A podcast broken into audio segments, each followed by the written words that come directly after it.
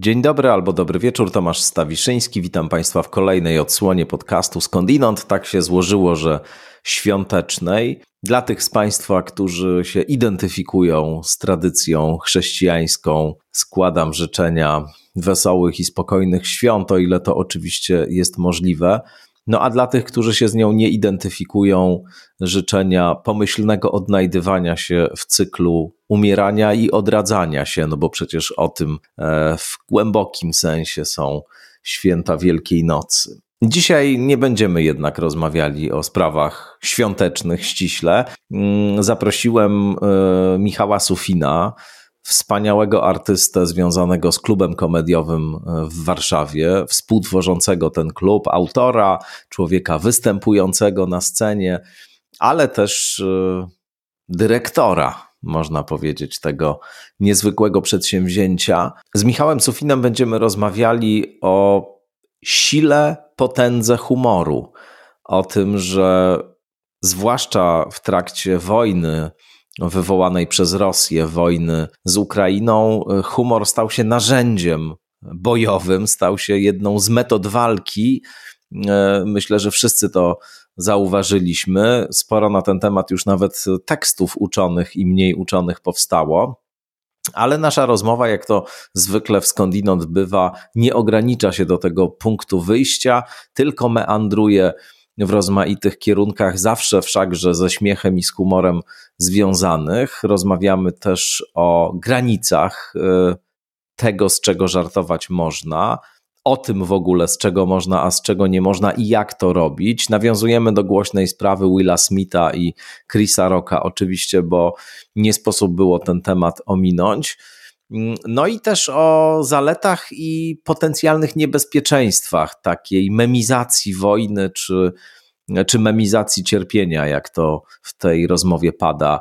Rozmawiamy również. Myślę, że będzie to dla Państwa równie ciekawa, inspirująca i śmieszna też momentami rozmowa, jak dla mnie. Wspaniale mi się z Michałem rozmawiało i bardzo wiele się na temat humoru właśnie i, i tego wszystkiego, co się dookoła dzieje, dowiedziałem z tej rozmowy. No dobrze. To tylko jeszcze tradycyjnie podziękuję patronkom i patronom, subskrybentkom, subskrybentom. Dzięki pani Iwonie Górskiej-Kotca za rekordowe wsparcie tego podcastu. No i zachęcam państwa oczywiście też do wykupowania takich subskrypcji. Michał Sufin przed wami.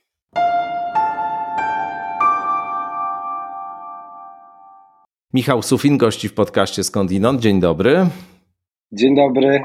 No cóż, e, paradoksalne jest to złożenie, e, bo będziemy o wojnie i o dowcipach, humorze i śmiechu rozmawiać, ale tak się złożyło, o czym zresztą e, wiele już powstało esejów uczonych, tekstów publicystycznych, że jedną z najskuteczniejszych broni przeciwko Rosji e, w tym nierównym pojedynku, nierównym starciu pomiędzy Rosją a Ukrainą okazał się humor. Ja znalazłem bardzo wiele e, tekstów, w których, których autorzy powiadają, to jest fenomen rzeczywiście niesamowity, może charakterystyczny dla epoki mediów społecznościowych, ale Rosjanie już na wejściu przegrali tę wojnę właśnie w wymiarze E, wojny informacyjnej, nazwijmy to, a przegrali ją e, w ogromnym stopniu dlatego, że wszyscy się po prostu z nich śmieją teraz.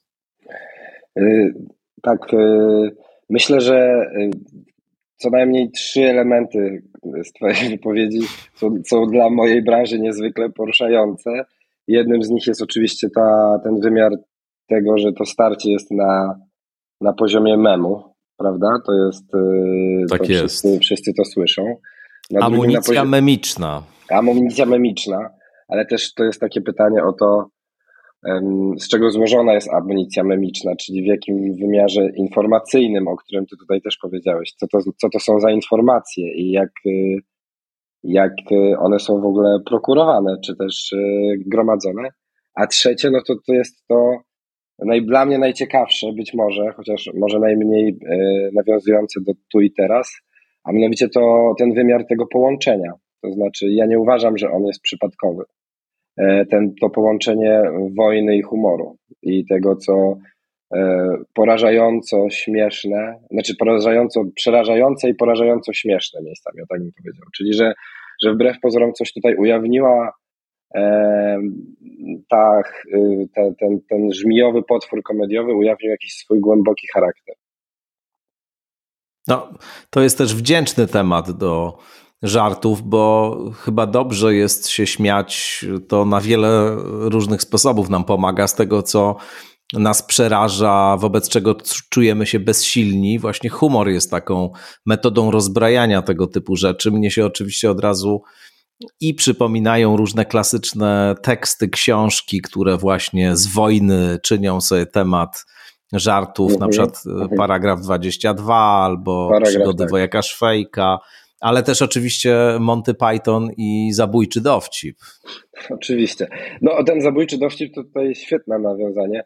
E, natomiast też tak czuję, to mnie się wydaje, że w nas jest taki odruch do tłumaczenia tego trochę w, ze względu na to, mm, jak oba te tematy były ujarzmione do niedawna. To znaczy, jak ujarzmiony był temat wojenny, bo nie, nieobecny i taki wyparty właściwie z naszego tu i teraz. E, no nie wiem, jakby trudno liczyć momenty w historii, kiedy tak długo tuż obok nas nie było wojny a z drugiej strony też komedia jakaś taka ujarzmiona była przez, przez długi czas i ujarzmiana jest przez taką y, niezwykłą empatyczność i wrażliwość naszego świata, tak, że nie ma, z czego nie można się śmiać, jakby, czego nie dotykać.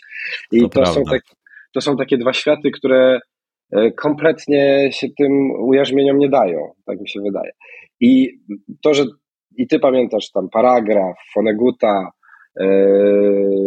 nie wiem, dysydencką powieść też, bo przecież i Rosjanie śmiali się, może nie z wojny, no bo, ale jednak z tego terroru, czy Dowłatow, czy nawet Jerofiejew, no że to są takie, powie, to są, to jest jakbyś taki, taki świat, że, że koszmar e, totalitarny, również e, śmiech, śmiech jest narzędziem do walki z tym koszmarem, tak, smutny śmiech, tam czasami sardoniczny, czasami ironiczny, czasami taki właśnie gorzki, ale jest. Mnie się wydaje, że jednak z, że Ukraina, temat Ukrainy teraz jednak szczególnie zaprasza do rozmowy poprzez osobę y, prezydenta y, Zełęńskiego. No, no właśnie. Też mamy do czynienia z prezydentem komikiem. I to jest pierwszy raz w historii, kiedy możesz spokojnie zaprosić y, Trefnisia do siebie, do, do podcastu, audycji e, w kontekście stosunków międzynarodowych i sytuacji wojennej e, i zagrożenia Europy i uważać, że zaprosiłeś autorytet w tej dziedzinie. Ale człowiek z branży też po prostu. Człowiek, człowiek, człowiek z branży człowiek prezydenta. Z branży, człowiek z branży. Człowiek z branży prezydenta. My go rozumiemy najlepiej. Ale ja bym się zatrzymał, jeżeli pozwolisz na chwilę, bo ta sytuacja z drugiej strony nie jest taka lekka, bo Zdaje się, że nieprzypadkowo człowiek z branży został prezydentem.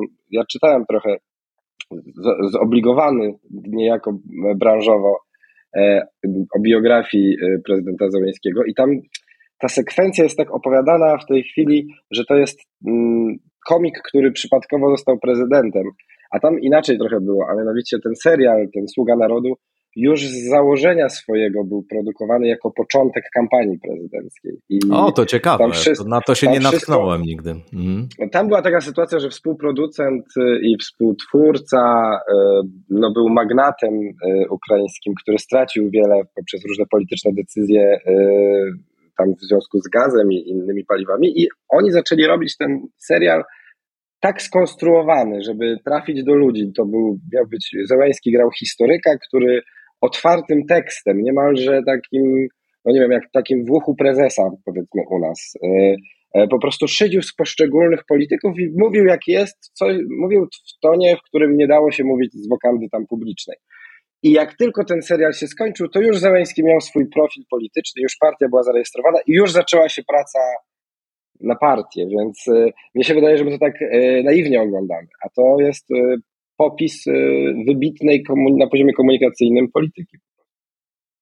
No, myślę, że to wszystko, co się dzieje od momentu wybuchu wojny w Ukrainie, to y, mówię o tej właśnie polityce informacyjnej, nazwijmy to, to jest pełne kontinuum tego, Absolutnie. tej wirtuozerii i tego mistrzostwa. Ja czytałem kilka komentarzy na ten temat i to tam po prostu to idzie w jakby Ukraińcy rozumiejąc chyba, tam jest ten szef wydziału, zdaje się ten szef Ministerstwa Cyfryzacji i Komunikacji, nie wiem, trochę nie pamiętam e, jego nazwiska, ale, znaczy na pewno nie pamiętam, nie, nawet nie trochę, tylko w ogóle nie pamiętam, ale, ale on, on, oni odpowiadają za ten ton i no ja powiem szczerze, że to jest, to jest e, imponujące, jak bardzo złożony, z, ilu emocji ta narracja jest złożona do świata. To znaczy, jesteśmy sobie w stanie z łatwością wyobrazić taką sytuację, w której świat robi taką nabożną, e, zszokowaną minę i po kilku dniach, dwóch tygodniach zapomina o Ukrainie.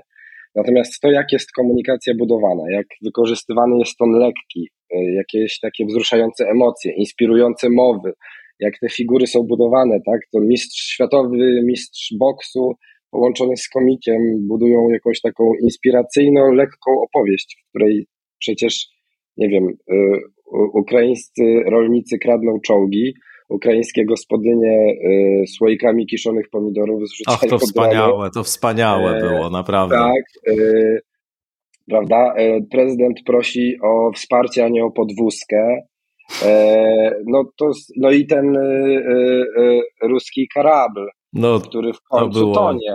No to są jakieś e, wice no, na miarę na miarę połączenia stand-upu z Solżenicyną właściwie, no bo to po prostu to po prostu ma taki rozmach e, i rzeczywiście e, trzeba powiedzieć, że to się, ja zaczynam się rozgadywać, ale trzeba powiedzieć, że mnie to mocno odbija się w takim lustrzanym negatywie tego, tej rosyjskiej dezinformacji wieloletniej która bez poczucia humoru, w taki niezwykle prymitywny i bardzo taki e, ukryty sposób po prostu generowała fake news, tak? I, I jakby straciła to narzędzie, no bo jakby w momencie relacji z tego, co robią Rosjanie, no fake news nie jest narzędziem, e, tak? No nie da się udawać dłużej. Nie, nie wytrącili sami sobie, już te, to już nie jest żadne narzędzie, podczas gdy dowcip jest jakimś odpowiednikiem tego, tylko błyskotliwym i takim e, ambiwalentnym właśnie i, i utrzymującym tę uwagę.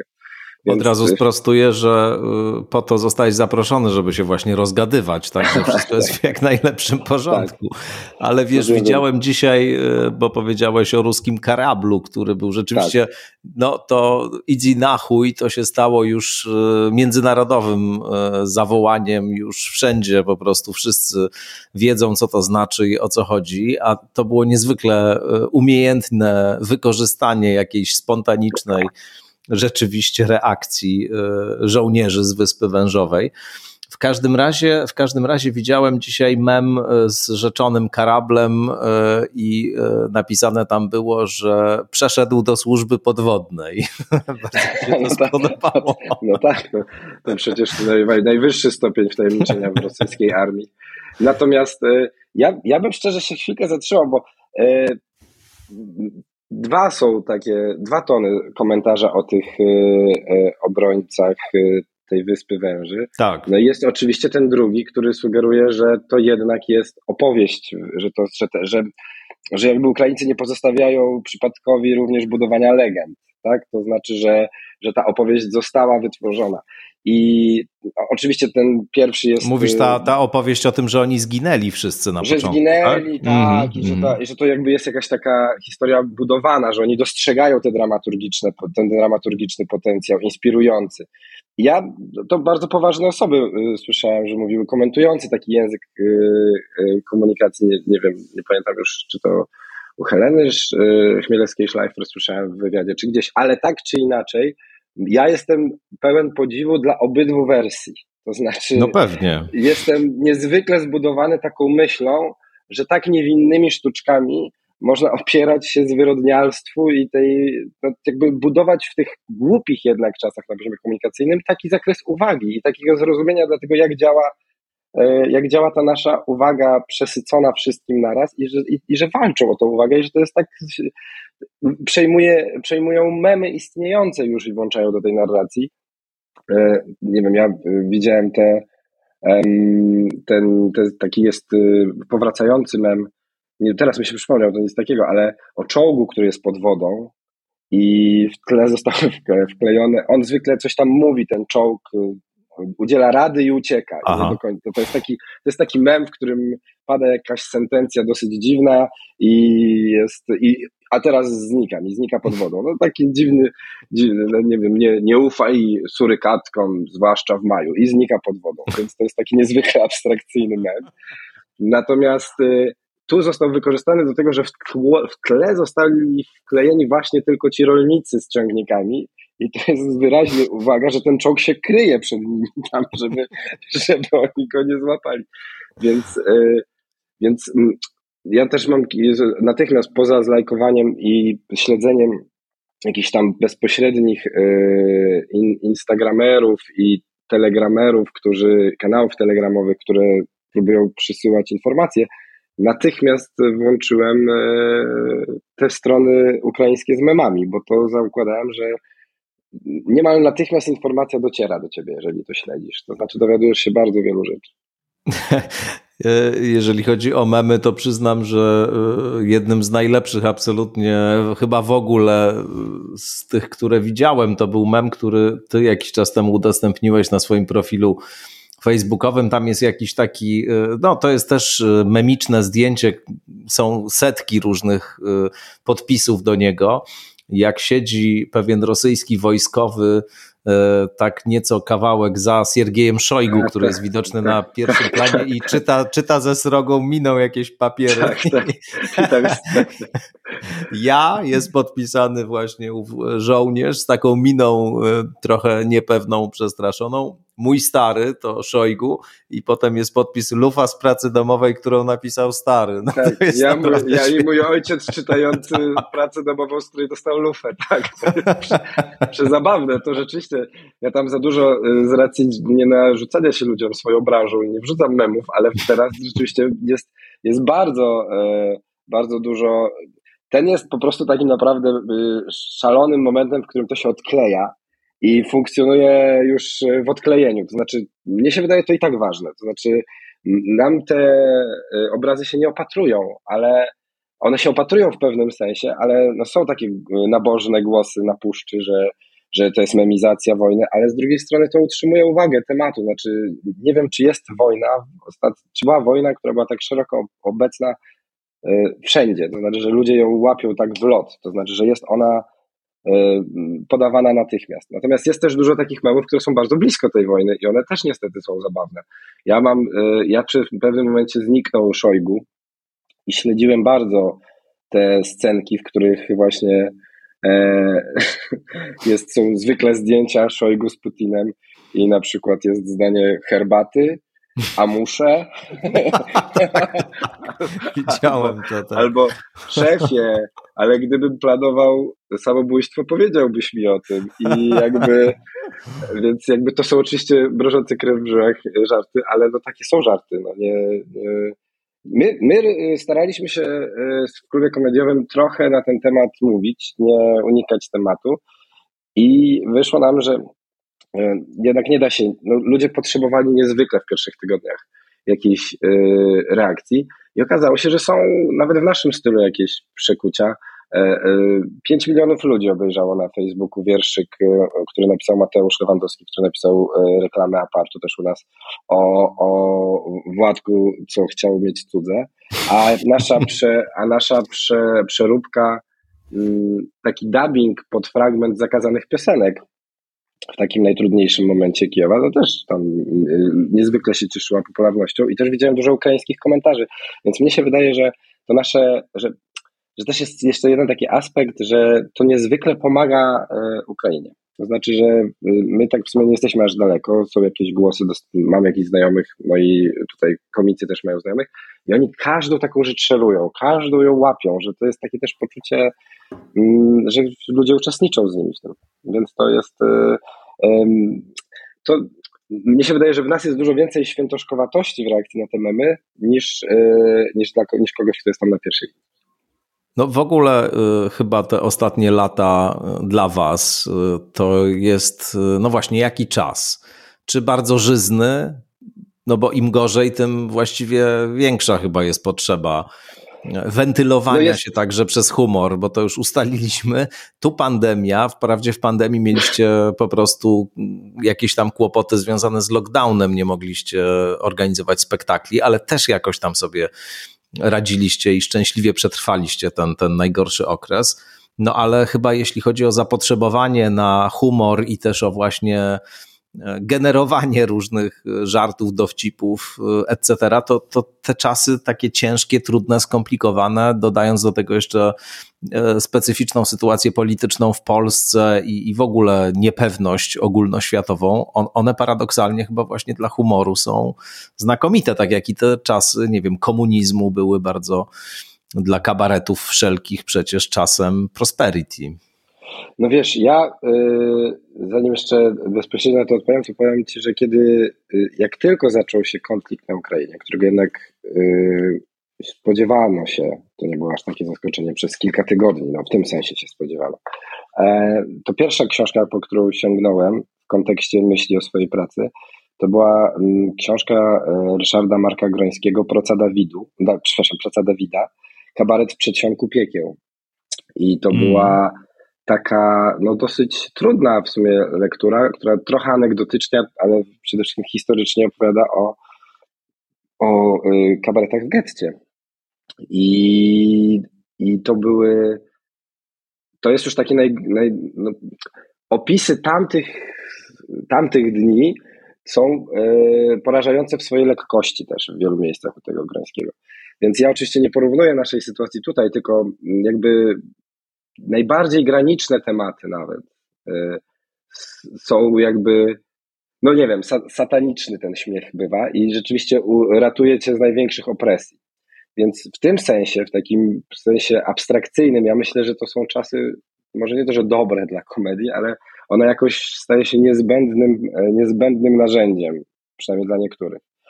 Natomiast y, ja powiem, y, ale tak, i, i nie mam w sobie żadnej wątpliwości. Pamiętam, że że przed e, COVID-em i przed pandemią regularnie pojawiały się w rozmowach takich przy okazji naszych premier pytania, ale czy ze wszystkiego wolno się śmiać? Robicie spektakl o starości, ale czy ze wszystkiego wolno się śmiać?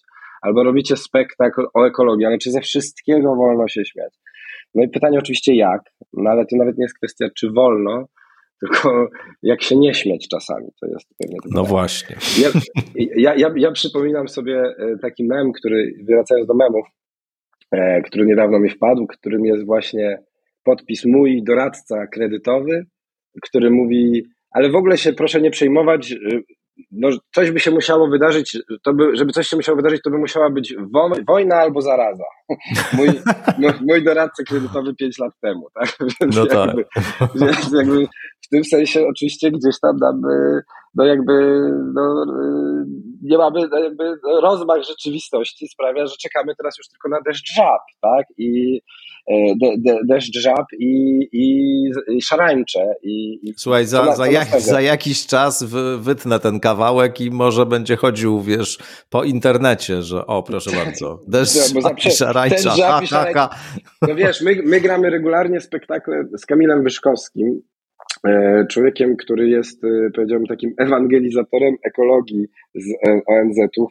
Po prostu chodzi w różne miejsca, zwykle niezwykle poważnych i E, w sumie generujących dużo śladu węglowego e, biznesmenów namawia z ramienia ONZ-u, ale też dał się nam namówić do tego, żeby opowiadać o e, ekologii i my gramy spektakle improwizowane, które nazywają się Taki mamy klimat. I rzeczywiście naszym zadaniem jest dośmieszniać jego prezentacje, które brzmią mniej więcej w ten sposób. Podniesienie się temperatur, podniesienie poziomu wody, E, czy przestrzeni 100 lat ograniczenie przestrzeni mieszkalnej, wojny migracyjne, wojna o wodę, śmierć. Poproszę następny slajd. Tak więc jak, i e, to tak, tak więcej wygląda i jak zwykle ja wychodzę. To nerwowy śmiech był oczywiście w moim Tak, tak, no to jest właśnie z Królestwa Sardonii e, e, śmiech. Natomiast rzeczywiście ja wtedy wychodzę i mówię, że jednocześnie Kamil prowadzi urodziny, barmitwy, E, i można go wynajmować na komunię, na imprezy komunijne. No bo też rzeczywiście mnie ten punkt, y, w którym komedia się ściera z takim, no jest na froncie rzeczywistości, ciekawi najbardziej. nie dlatego, że ona ma szokować, tylko dlatego, że w tym miejscu jest jakby no, dowódcą oddziału saperskiego się stajesz, tak? To, to, to, to ja nie mam takiego podejścia, yy, ze względu na to, że dużo siedzę i o tym myślę, że te żarty nie są podejrzane. Ja uważam, że żarty są niezwykle podejrzane, że wiele żartów jest niezwykle podejrzanych, że w ogóle śmianie się jest podejrzane. Jest niezwykle bliska e, niechęć do, wielokrotnie, kiedy widzę komedię, e, niechęć do komedii i do żartu, wiesz, e, benedyktyńskiego mnicha z imienia Róży, tak? W sensie nie, nie jestem nie jestem, jestem świadom dwuznaczności i dlatego to jest ciekawe, bo nie zawsze ta dwuznaczność wybija, czasami te żarty są oswobadzające albo właśnie ukazują tę dwuznaczność same w sobie. Widać dwuznaczność świata, ponieważ śmiejemy się i ponieważ Zeleński jest komikiem. Wiesz, to jest e, taki wątek, który jakoś na początku e, tej rozmowy nam wybrzmiał e, przez chwilę, ale, ale teraz bym do niego wrócił. E, mówiliśmy o tym, mówiłeś, że właśnie rozmaite totalitaryzmy są wdzięcznym tematem żartów. No i mamy przykłady liczne i z literatury, i nie tylko właśnie tego, jak humor był czymś, co istotnie rozmontowywało totalitarną siłę i co, i co stanowiło jakiś rodzaj obrony nawet jeśli po prostu zyskiwało się w ten sposób tylko wewnętrzne poczucie jakiejś wolności czy, czy mhm. autonomii, bo zewnętrznie dalej funkcjonowało się w zniewolonym państwie, ale e, to właśnie humor to było coś, czego właściwie wszyscy dyktatorzy, wszyscy autorytarni władcy się bardzo obawiali. Stalin, Józef, był taki, był taki gość. E, zresztą e, Władimir Władimirowicz Putin. Ma takich, ma takich, e, ma takich tak. apologetów teraz, ma takich ma, ma. fanów. Widać. A, a skądinąd Putin, jak w pewnym momencie opowiadał o tym, że będzie tam dokonywał jakichś wewnętrznych czystek i, i, i, tych eliminował, którzy w duszy swojej Rosjanami nie są. Nie tych, co tam ostrygi, genderny jest swobody i różne inne takie sprawy tak, tak. na zachodzie, wiesz, są w to wszystko zapatrzeni. Popsuci, tylko tych, popsuli co... się, popsuli tak, się na zachodzie, tak. Dokładnie, ale ci, ci najgorsi, co pamentalitatu są w środku po prostu, nie mhm. Rosjanami.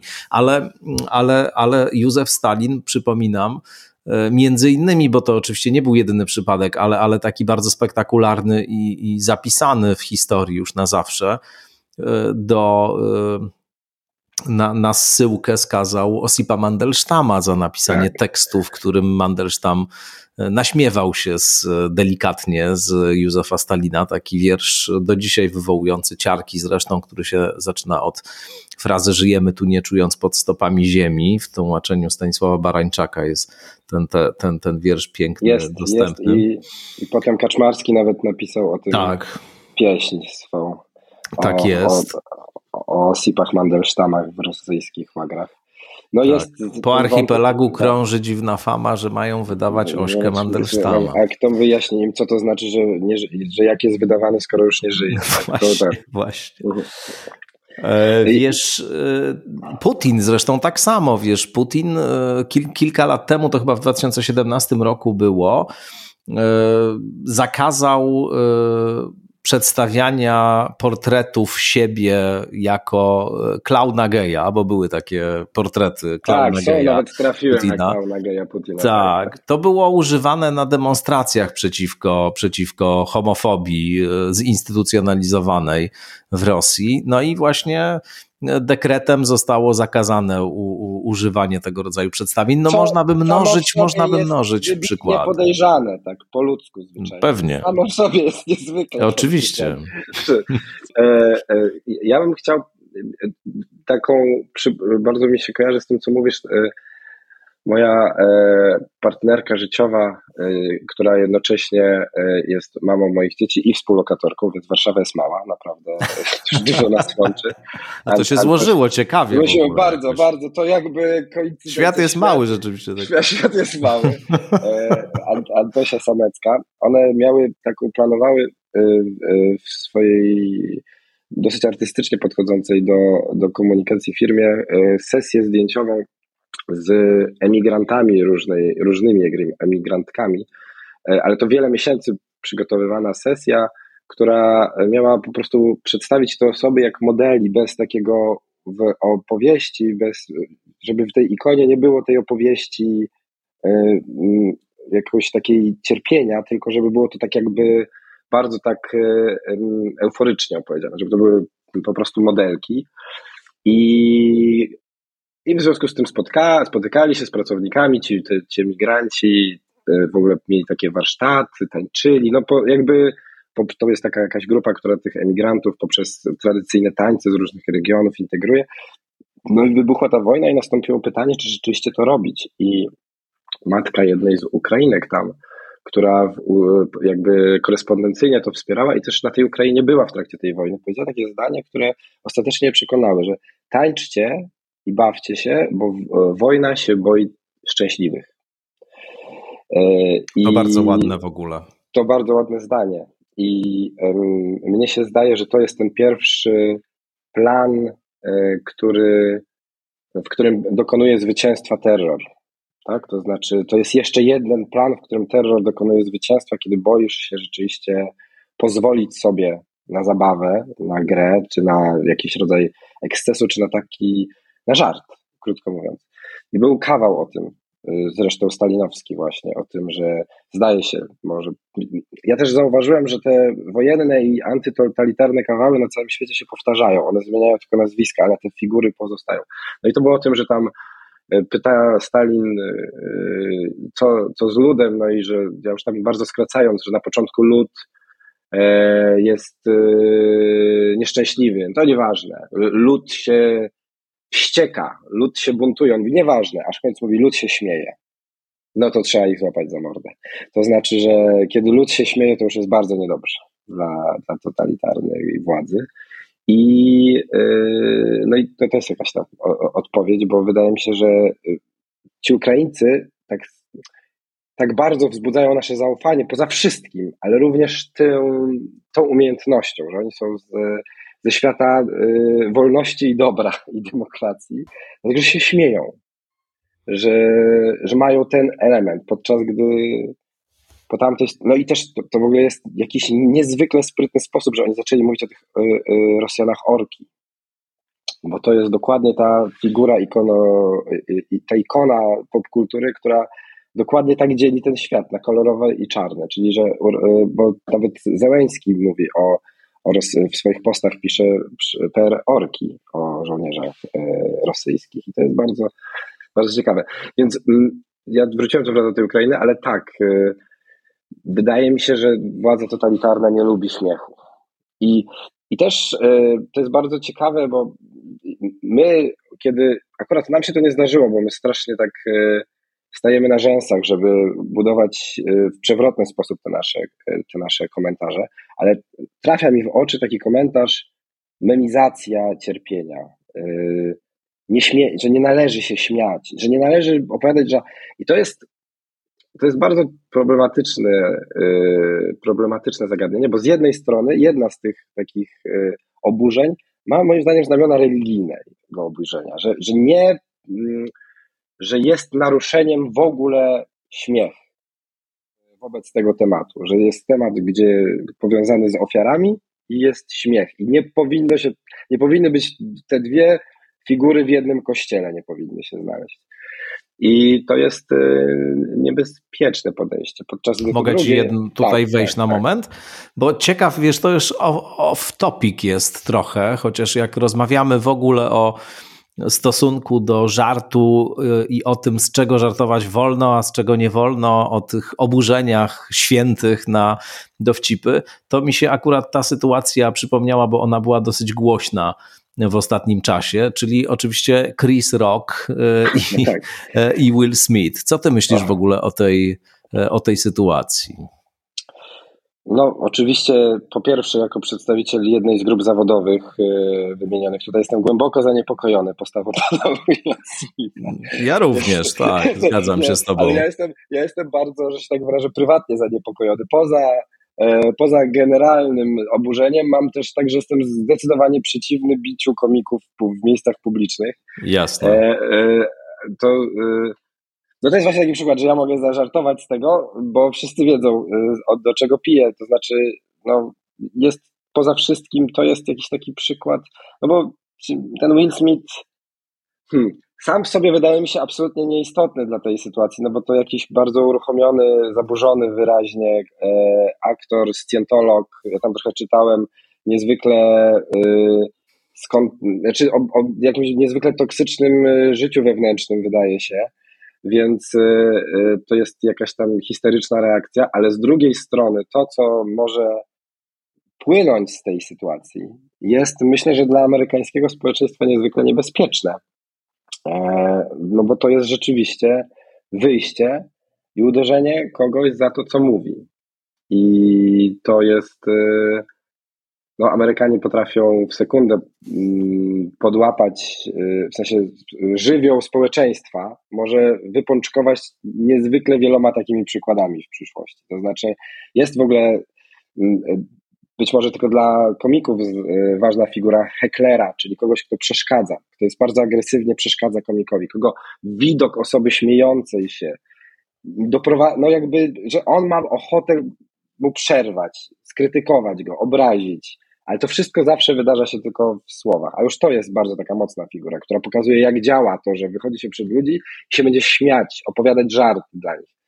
No i myślę, że to przełamanie tego w takim najwyższym punkcie przez Willa Smitha, człowieka, który jeszcze gra ojca rodziny, e, tak, tak. króla, Potem. Potem to jeszcze wkomponował w jakąś taką płacze, dziwaczną przemowę. Płacze, tak. tak, no taka dadaistyczna była ta przemowa właściwie w pewnym sensie. To właściwie, właściwie nie powstydziliby się dadaiści jego, jego tych takich jakichś wyrwanych cytatów połączonych z onomatopejami i płaczem.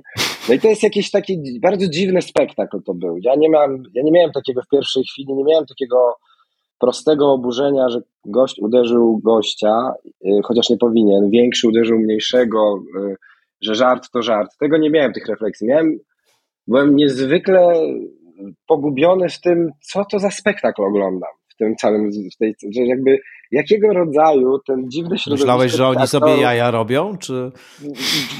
Przez chwilę byłem, miałem, miałem tę hmm. hipotezę, ale z drugiej strony miałem, że to jest jakieś egzorcyzmowanie jakiejś kompletnej pustki, bo jakby te Oscary nieistotne, tego Rickiego Gervaisa, czyli błyskotliwego inteligenta, który punktuje wszystkie hipokryzje, tam nie ma. E, ten Chris Rock nie robi mu nic wielkiego.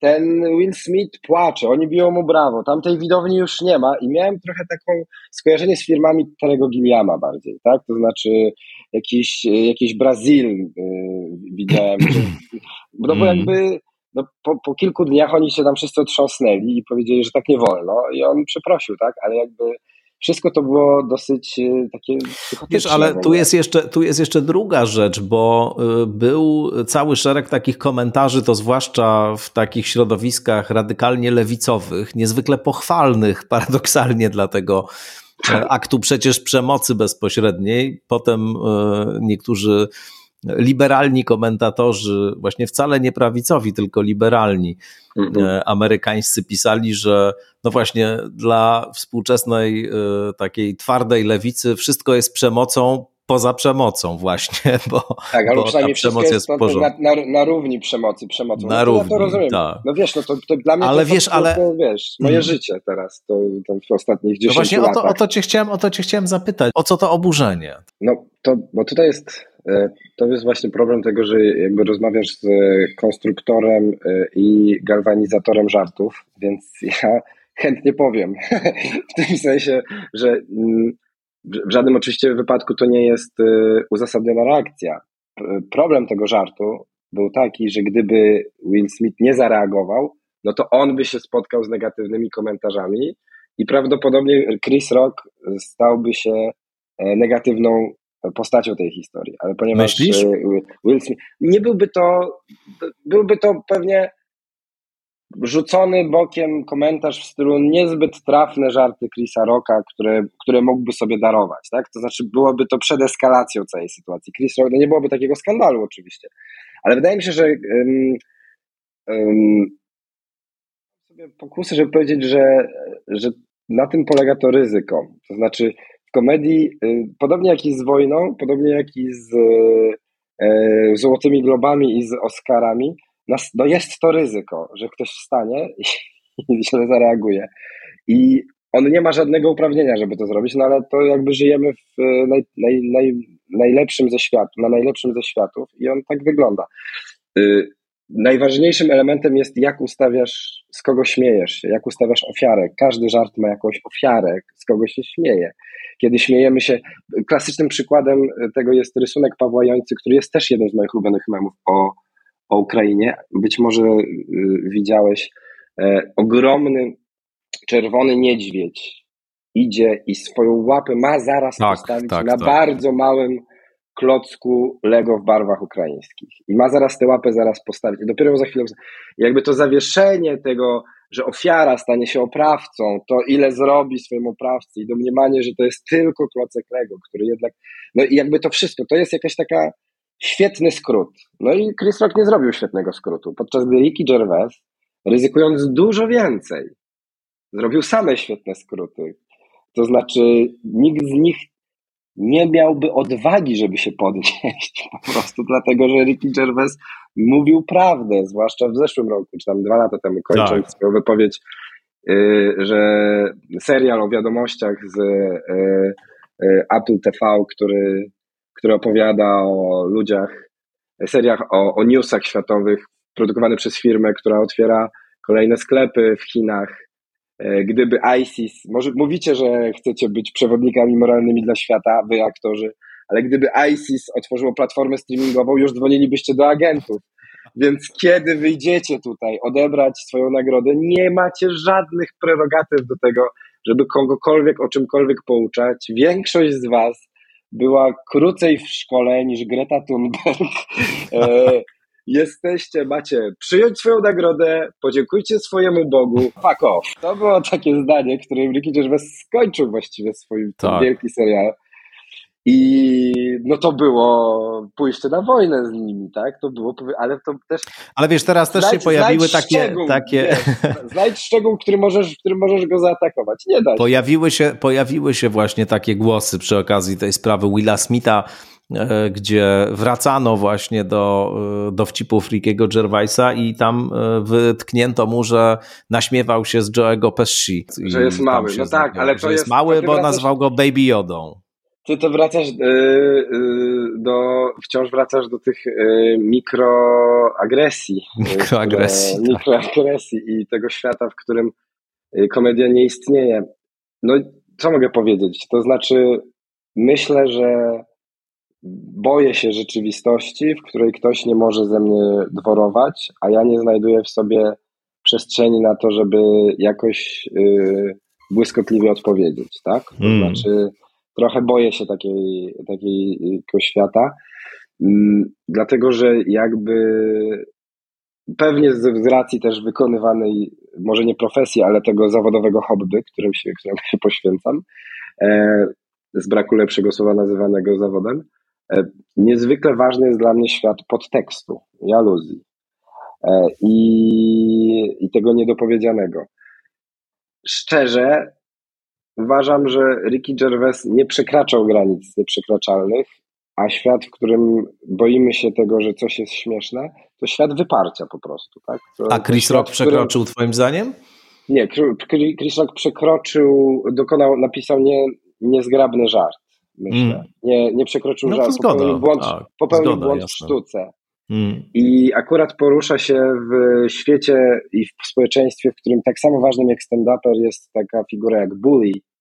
I kiedy, no i, i, rzeczy się wydarzają, tak? A najgorsze w tym wszystkim jest to, że, że wydarzyło się to na oczach ludzi, którzy mogą to potraktować jak wzór. No i to jest bez sensu, oczywiście. I na pewno Will Smith podklejony jest pod te fale takiego właśnie tej rozempatyzowania, o którym ja powiedziałem. To znaczy takiego bardzo panicznego wręcz empatyzowania ze wszystkimi. No, jak przypominam sobie żarty, które mój tata opowiadał mojej mamie, żeby się nie kłócili już ze sobą i jak słyszę to, co teraz można, to myślę, żeby nie mogli już opowiadać wielu z tych żartów, a one były zabawne. Więc ja się boję pewnie takiego.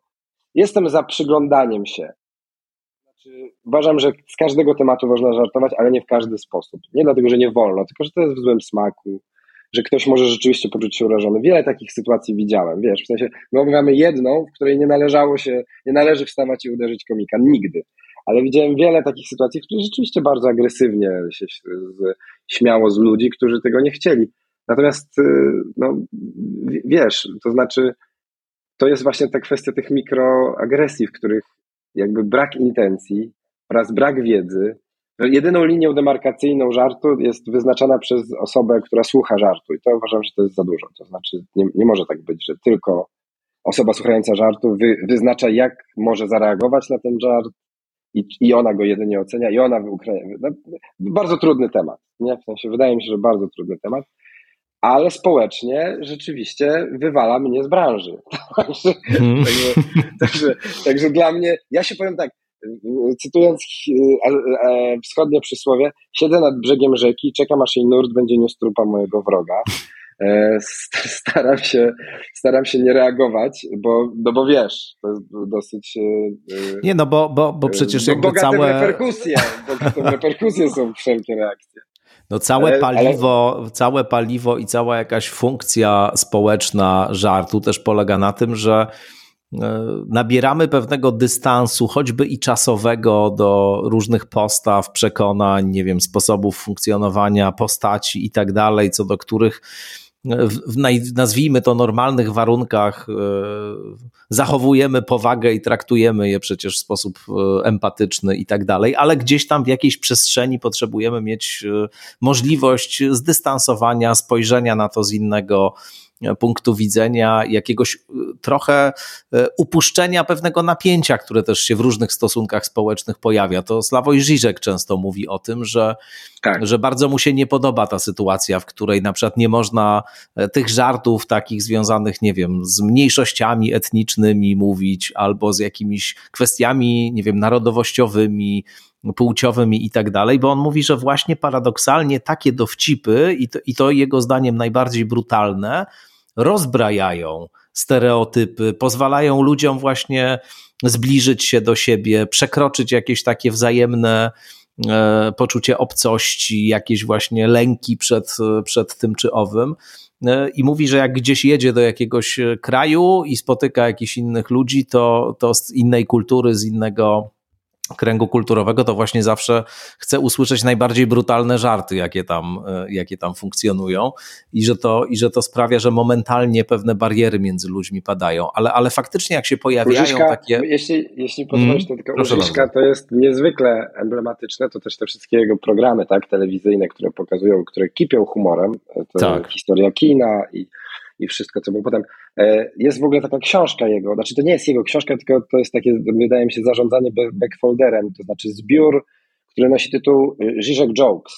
E, hmm. Jest Tego nie znam. wszystkich jego, zacytowane są wszystkie jego analizy, po których podstawą jest żart, albo jest to analiza żartu, tak? I, i one rzeczywiście idą po najgorszych tematach, no bo jako jakby lakanista, on przechodzi przez wszystkie ciemne zaułki idu, czy tamtego i, i rzeczywiście e, z, z, z, złożone w całość to jakby suma myśli, które on wyciąga z tych żartów i to jak najbardziej kloaczne, przekroczeniowe i odmętne są te żarty, no to robi ogromne wrażenie, że on jednak robi w hydraulice umysłu, tak? To znaczy, że Sławoj Żyżek jest hydraulikiem umysłu ja, e, jest, to, jest to jednak ciekawe, bo mm, no ten, tam jest ten układ taki, że jest ta fantazja, która, którą my budujemy, jest jeszcze pod spodem ta antyfantazja, której się tak strasznie boimy i obie są jakąś klatką i dopiero żartem się to rozrywa i się spotyka z tą drugą stroną. E, I rzeczywiście w tym sensie żarty bywają takim bardzo nieprzyjemnym, trudnym mechanizmem do słuch podczas słuchania, po którym jest szansa na spotkanie. Może jest nie być jej, tak? W sensie może, ta, to, może to się nie udać, żart się nie udał, ktoś się obraził, ale jest to jakiś taki rodzaj mm, wystawienia piątki do takiego, do takiego pozdrowienia e, ponad zasadami teraz spędzimy ze sobą pół sekundy, tak? Spędzimy ze sobą pół sekundy ponad zasadami. No właśnie i dlatego wydaje mi się, że, że takie z góry zakładanie, że pewnych spraw dotykać nie wolno, że pewne obszary są wyjęte spod możliwości żartowania z nich, no to, to jednak jest niebezpieczny trend i bardzo mi się jakoś spodobało to, co powiedziałeś e, trochę wcześniej, że istotne jest po prostu jak się to robi, e, że żartować można ze wszystkiego, tylko, tylko trzeba wiedzieć jak. Wiesz, to jest też tak, że mm, mnie się zdaje, że gdzieś bardzo głęboko, i to jest na przykład w, figura mm, tyrana jest też do, tutaj przydatna, do tego, żeby się przyjrzeć takiemu zagadnieniu. Z, skąd w nas wściekłość z żartu z, z, nas, albo z żartu, który nas nie bawi? Tak? Skąd, nas, skąd, skąd w nas ta wściekłość? Bo mnie się zdaje, że jest jakaś wściekłość, że, że żart mm. jest abstrakcyjną kategorią, która działa już albo w ogóle, tak? Nie można go wyjaśnić. Można go wyjaśnić i wtedy tylko się pogłębia stan, w którym żart nie zadziałał. To sam żart w sobie się dzieje, tak? Opowiadanie, tłumaczenie żartu, wyjaśnianie to pewnie taki dosyć częsta jakaś taka komediowa sytuacja, w której komuś ważniejszemu od siebie mówi żart i on się nie śmieje i jakby co z tego wynika, czy on się czuje głupszy, czy on się czuje gorszy, czy czuje, że urażony. No jakiś taki, na bardzo miękkie podbrzusze stajesz człowiekowi, któremu opowiesz żart, który go nie rozbawił. I mnie się wydaje, że w tym punkcie jest jakiś taki absolutny zapalnik, który mówi dużo o komedii, no bo ona jest albo ekskluzywna, albo inkluzywna. Albo jesteś z nami, albo nie jesteś. W sensie wiele miałem takich sytuacji, w których, e, których nawet nie mogę teraz cytować. W trudnych sytuacjach, w różnego rodzaju negocjacjach, w różnego rodzaju sytuacjach granicznych. Nie mogę cytować dla dobra e, biznesów oraz życia rodzinnego, tak? Powiedzmy, okay. w których padał żart, że ta sekunda roz, wszystko, roz, znaczy rozstrzygnie o wszystkim. Godzimy się albo rozchodzimy, tak? W sensie, no i, tak. I tak, i, i to działa po prostu. Już potem nic, nie ma powrotu, że to jest trochę, że to jest podróż, z której nie ma powrotu czasami. Yy, I w niej jest cała siła. I, yy, no i jakby tyran, no jakby jakąś wspaniałą adresatem żartów jest, tak? To, to jest ten właściwie Girardowski niemalże taki adres, yy, adresat żartów. Wrócił taki kawał stary, przy okazji Ukrainy wrócił taki stary kawał o, o, o człowieku, który w Rosji kupuje mm, gazetę, tak? I, I w kiosku kupuje tę gazetę, patrzy i wyrzuca ją do śmieci. No i ten kioskarz mówi, co pan robi? A on mówi, ja nic, sprawdzałem nekrologii, no, ale nie, nie drukują ich na pierwszej stronie. Ten, który sprawdzałem, wydrukują. tak, to I, słyszałem, i, bardzo. I to, I to jest, y, no ten cały, cały ten y, świat żartów z tyrana akurat, wydaje mi się no niezwykle demokratyczny w swojej istocie. Jak mówiłeś o tym, e, jak e, jest żart, który nie śmieszy tego, komu się go opowiada, to zastanowiłem się przez chwilę, czy to rzeczywiście jest jakiś taki e, koszmar największy komika, jak ludzie się nie śmieją i, i czy ty masz na przykład wychodząc na scenę w klubie komediowym taki lęk w sobie, że a nuż nie będą się śmiali? I jeszcze trzecia składowa tego pytania, czy to ci się zdarzyło, jakieś takie sytuacje, kiedy po prostu kompletnie nie trybiło i dwoiłeś się i troiłeś, choć znając ciebie i oglądając cię wiele razy i wiedząc jaki masz kaliber żartu, to trudno mi to sobie wyobrazić, ale może miałeś jakąś taką sytuację, że, że rzeczywiście ludzie się nie śmiali. Wiesz co, no to nie, to miałem, miałem setki pewnie takich sytuacji. To też bardzo zależy po prostu od okoliczności niezwykle komfortową sytuacją jest to, że ja mam e, klub, czy też dwa kluby, że ludzie peregrynują do mnie, że kupują bilet wcześniej, wykonują bardzo wiele psychologicznych czynności, które sprawiają, że raczej chcą się dobrze bawić, tak? To znaczy mm. jest, jest między nami cicha umowa, że zrobimy wszystko, żeby to się udało. I jakby to ja muszę dużo, ja muszę dużo wykonać błędnych ruchów i my musimy wykonać dużo błędnych ruchów, żeby to się nie udawało. Ale czy chcesz powiedzieć, że tutaj działa taki mechanizm psychologiczny, jak na przykład, nie wiem, przy zakupie czegoś, że jak człowiek już to kupił, zainwestował czas i pieniądze, to ma naturalny bias, żeby uważać, że ten sprzęt, który nabył, jest lepszy od innych i, I raczej ja... ma zakrzywienie poznawcze, że mu się wszystko podoba do momentu, aż, no nie wiem, coś się musi właśnie bardzo złego Głę, wydarzyć. I że tutaj. Wierzę i że tutaj wszyscy przychodzimy do klubu komediowego już rozbawieni wyjściowo właśnie z powodu tego, że kupiliśmy bilet. Że... Tak, tak, tak. tak. No ludzie A, lubią być na miejscu. Lubię, myślę, że ludzie lubią być na miejscu i, yy, i dlatego, no wiesz, ja poza tym, że występuję, też piszę spektakle u siebie i, mm. i y, lubię z tego korzystać, to znaczy sprawdzać takich może, bo to jest, trzeba by było rozgraniczyć twoje pytanie, na przykład ten, ten element twojego, ten, ta część twojego pytania o to, czy się nie śmieją i czy to jest lęk. No jeżeli się improwizuje, a połowa rzeczy, które my robimy w klubie komediowym, to jest improwizacja. I wychodzi się do ludzi z myślą, nie obchodzi mnie to, jak oni się będą bawić, to jest to jakiś rodzaj yy, zaproszenia do relacji sadomasochistycznej jednak. To znaczy, yy, ta improwizacja to ma być popis. Więc tak, tam jest w nas pewien lęk, zawsze, no bo nie mamy ani słowa, tak? I jakby i, i chodzi o to, żeby znaleźć ten, ten, ten pomost, y, w którym widzowie pochylają się lekko, trzymają kciuki, uda im się zrobić coś, co nam się spodoba, a nam się udaje zrobić to, co im się spodoba.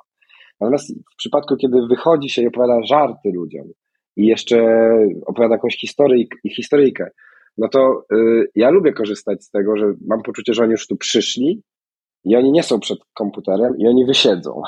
to, znaczy, to znaczy, że troszeczkę naruszyć ten stan y, mm, komfortu, nie dlatego, żeby oni w dyskomforcie byli, tylko nie do końca wierzę, że ludzie zawsze wiedzą, po co przyszli. Czasami mam wrażenie, że nie wiedzą można im pokazać, że może przyszli po coś bardziej, nie wiem, skomplikowanego, dłuższego.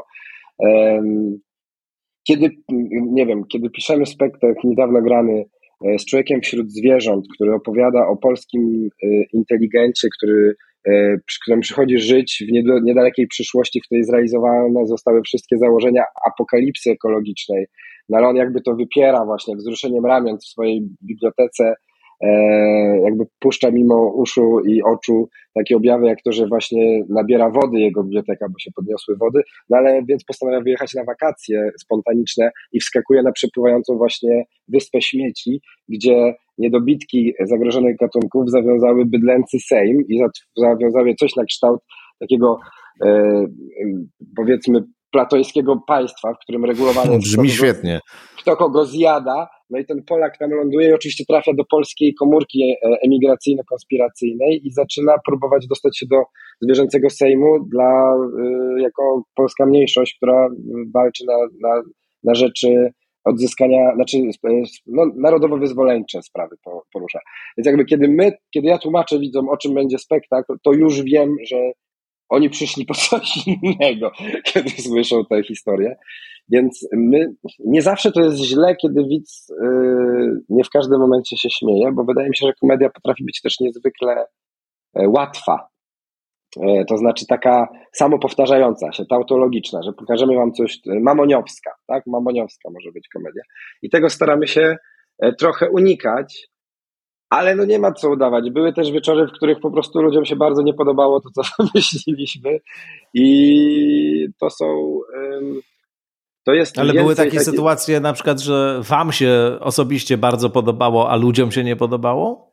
Wiesz co, nie wiem, pamiętam, że był taki spektakl, który, którego ja akurat nie pisałem i w nim nie brałem udziału, ale na przykład yy, był, był sceną bardzo abstrakcyjnie nawiązującą do, do sytuacji yy, coming outu yy, przed rodzicami, która, i to był sketch, który opowiadał o tym, znaczy oparty było taką, takie prostą, proste założenie, że po prostu chłopak zmienił imię, on mówi, że już nie jest Maćkiem, jest, jest Alkiem. No i cała reszta to była ta reakcja takiej konserwatywnej rodziny, która nie chce, żeby on był Alkiem, że, no i że, że w tym domu może będziesz jednak, yy, nie będziesz Alkiem, tylko będziesz, no i tak dalej. No i wstały panie i wyszły, krzycząc do nas, że to jest, yy, że to jest y, śmianie się z y, problemów y, genderowych. I, I rzeczywiście wyszły poszły na drugą stronę do Wegandy, tam spędziły resztę wieczoru, ale nie, nie omieszkały też wygłosić takiego apelu, zrywając widowisko niejako, więc, więc miałem żywą realizację tego mhm. tematu, mm. o którym mówiliśmy przed chwilą. Tak. Co było dla nas o tyle zaskakujące, że wszyscy, ja nie robiłem tego spektaklu, ja na niego patrzyłem z boku, Wszyscy myśleli, że agenda jest po ich stronie tej sceny. Tak? To znaczy, że żart jest z drugiej strony medalu. Więc yy, zaskakujące są te historie. Nawet już gramy 65 razy w miesiącu, więc wiesz, mamy dobrą próbę. Tak, miałem, miałem panie, które położyły, e, pa, e, nie no, państwa takich, przepraszam, nie chcę tutaj, żeby, że, że nie widzę, ale była taka ekipa 14 osób, które wyraźnie przyszły bardziej na kolację i, i, i pani trzyma nogi na scenie i zapytałem jej, czemu trzyma, przeszkadzając no stop, trzyma nogi na scenie i nie śmiejąc się i wygłaszając swoje opinie, nie będąc zadowolona zdania, które dostaje, trzyma nogi na scenie. I odpowiedziała, że dlatego, że te buty są droższe niż cały ten klub. także, okay. także wiesz, żywioł komedii uruchamia bardzo dziwne reakcje. To znaczy, to ja, nie, ja nie sądzę, żeby ta pani powiedziała coś takiego gdziekolwiek indziej.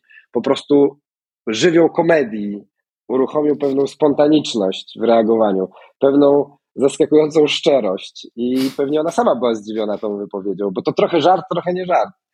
No i niepanowanie nad tym jest niebezpieczne czasem. Ja nie uważam, że należy czegoś zakazywać, ale na pewno jestem pod wielkim wrażeniem tego, jak y, na przykład właśnie ukraińska oficjalna komunikacja panuje nad żartem. I to, że prezydentem jest komik, jest nieprzypadkowe. Że dowódcą sił zbrojnych, tak? Jest komik, jest nieprzypadkowe. Na koniec y, taką klamrę zróbmy i y, dużo mówiliśmy tutaj o e, pozytywnych aspektach żartowania z wojny, tej konkretnej wojny. Wspomniałeś trochę też o osobach, które uważają, że z wojny właśnie śmiać się nie należy, że to memizacja cierpienia jest i tak dalej, ale ja e, od innej strony bym teraz Cię zapytał o, o potencjalne niebezpieczeństwa, nazwijmy to, właśnie z tym e, humorem niesamowicie rozbudowanym dzisiaj i, i popularnym związane zapytał.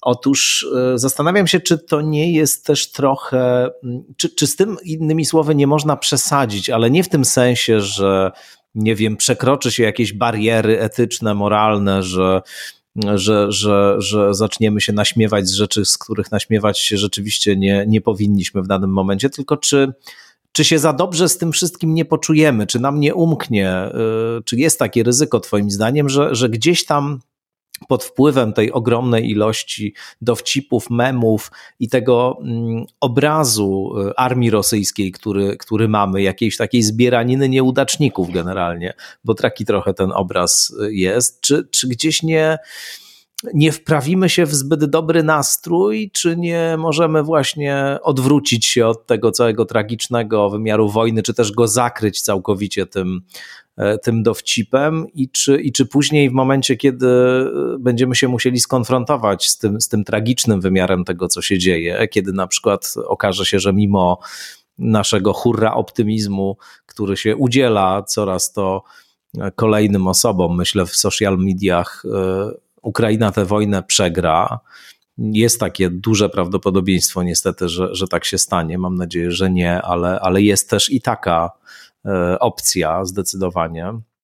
No, że właśnie trochę, trochę to zderzenie z rzeczywistością będzie zbyt bolesne, że, że, że, że nie będziemy przygotowani za bardzo do tego, żeby się skonfrontować z tymi tragicznymi i strasznymi realiami, bo, bo, bo tak się już zaczniemy dobrze bawić tym wszystkim, że, że coś nam umknie. Myślisz, że jest takie niebezpieczeństwo? Wiesz co, rozumiem, że mówisz o takiej e, sytuacji jak w, e, w piosence Jacka Klejfa, że ludziom zamarł na ustach krzyk, tak. tylko śmiech tutaj tak. będzie. Tak. Wiesz co, no mnie się wydaje, że tutaj to jest tak, że jest, wychodzi na to, być może trochę, nie to, że wychodzi, ale tak sobie tutaj zasugeruję, że w ostatnim czasie staliśmy, y, y, zrobiliśmy się dużo bardziej, y, dużo bardziej rozwinęliśmy się w memach niż w świecie przekazywania twardej informacji. I jeśli te dwa światy będą nadążać, jeden z drugim będą w podobnym tempie działać, no to bym się tego nie bał, bo jakby bardziej boję się fake newsów. Nie, nie mam w sobie żadnych złudzeń, że obraz żartobliwy jest fałszywy, że on nie służy pozna, nie ma, znaczy poznawczy jest przyklejony do tego, co, co ma funkcję poznawczą tylko, jest dodatkiem, jest y, działaniem na czymś, co wiemy. Tak? To znaczy, rzeczywiście niebezpieczne jest to, jak, jak, w jakim mętliku poznawczym funkcjonujemy. Tu jest mem, tam jest stream, tu jest deepfake, tutaj jest 74 komentatorów tego samego newsa, który nie został sprawdzony. I w tym bym powiedział, że memy się wybijają, bo są jednoznaczne, śmieszne i yy, nośne. Tak? To znaczy, że jeżeli nośność jest miernikiem tego, jak yy, ważna jest dana, ważny dokument, no to memy rzeczywiście mogą doprowadzić do tego, o czym mówisz, to znaczy zdominować opowieść. Mnie się zdaje, że one są w tej chwili z wyrachowaniem pewnym używane przez stronę ukraińską, ponieważ narracja bardzo smutna się szybko nudzi. To jest przykre to, co ja powiem i ja mówię tylko o tym, co słyszałem czy czytałem, ale że jakby jest ten życie medialne katastrofy, że ona ma swój czas, a ta wojna będzie trwać. Więc trzeba wzruszać, uruchamiać, kasować, rebutować to myślenie. Więc wbrew pozorom wydaje mi się, że ona, te memy spełniają jakąś funkcję, która ma pozwalać nam dalej słuchać tych no, wstrząsających informacji. Kasować pewien dysk. E, natomiast jeśli te informacje do nas nie docierają, no to to jest niebezpieczeństwo, o którym mówisz, tak? Bo, bo komedia nie powinna mieć waloru pierwszego poznania, tylko co najwyżej jakiegoś dopisania, polemiki. Nawiązuje do jakiejś naszej wiedzy zawsze. I w tym sensie to jest y, te, te memy, o których mówię o Szojgu i te, te takie, które nawiązują do faktów. Podczas gdy te memy, które na przykład zacytowałeś, ten rodzaj komedii o tym e, ojcu, tak? I, e, i o, o tym, że napisał kartkówkę, z którą dostałem lufę i dlatego, że to rzeczywiście jest już takie E, jakby to powiedzieć, e, patchworkowe korzystanie intertekstualne bez powodu, w ogóle bez kontekstu. No i tutaj może tak być, że my zaczniemy zapominać w ogóle skąd one się wzięły. To też no, komedia nie jest jedną rzeczą, tylko jakimś takim ludzkim, ja zawsze myślę, że jest jakimś takim jedną z ludzkich soczewek do oglądania rzeczywistości. Różnie jej można korzystać. Ja staram się zawsze pamiętać żeby budować w, w naszych spektaklach i w naszej takim już takich bardziej złożonych wypowiedziach, że, że no, lubię taki, taką wizję, że taki obrazek o tym, że komedia chodzi pod rękę jednak z, z, z tragedią i ze smutkiem, jak ta bieda z nędzą. I, I, jeśli się to pamięta, to, to ten obraz nie robi się taki jednoznaczny. Tak mi się zdaje. Więc, więc mnie się zdaje, że nie komicy odpowiadają za to, jak dużo my jak, jak dokładnie my wiemy o świecie, a co najwyżej korzystają z tego. Ale trochę jest we mnie niepokój związany z tym, jak, jak mętne są te źródła naszych informacji. Bardzo Ci dziękuję za to spotkanie i za, i za tę analizę e, głębinową, e, nie tylko humoru w kontekście wojny, ale myślę, że w ogóle humoru w uniwersalnym wymiarze. Dzięki serdeczne. Michał Sufa. Ba bardzo dziękuję za zaproszenie. Dziękuję. No i zachęcam oczywiście do słuchania skądinąd. Do usłyszenia. Wszystkiego dobrego.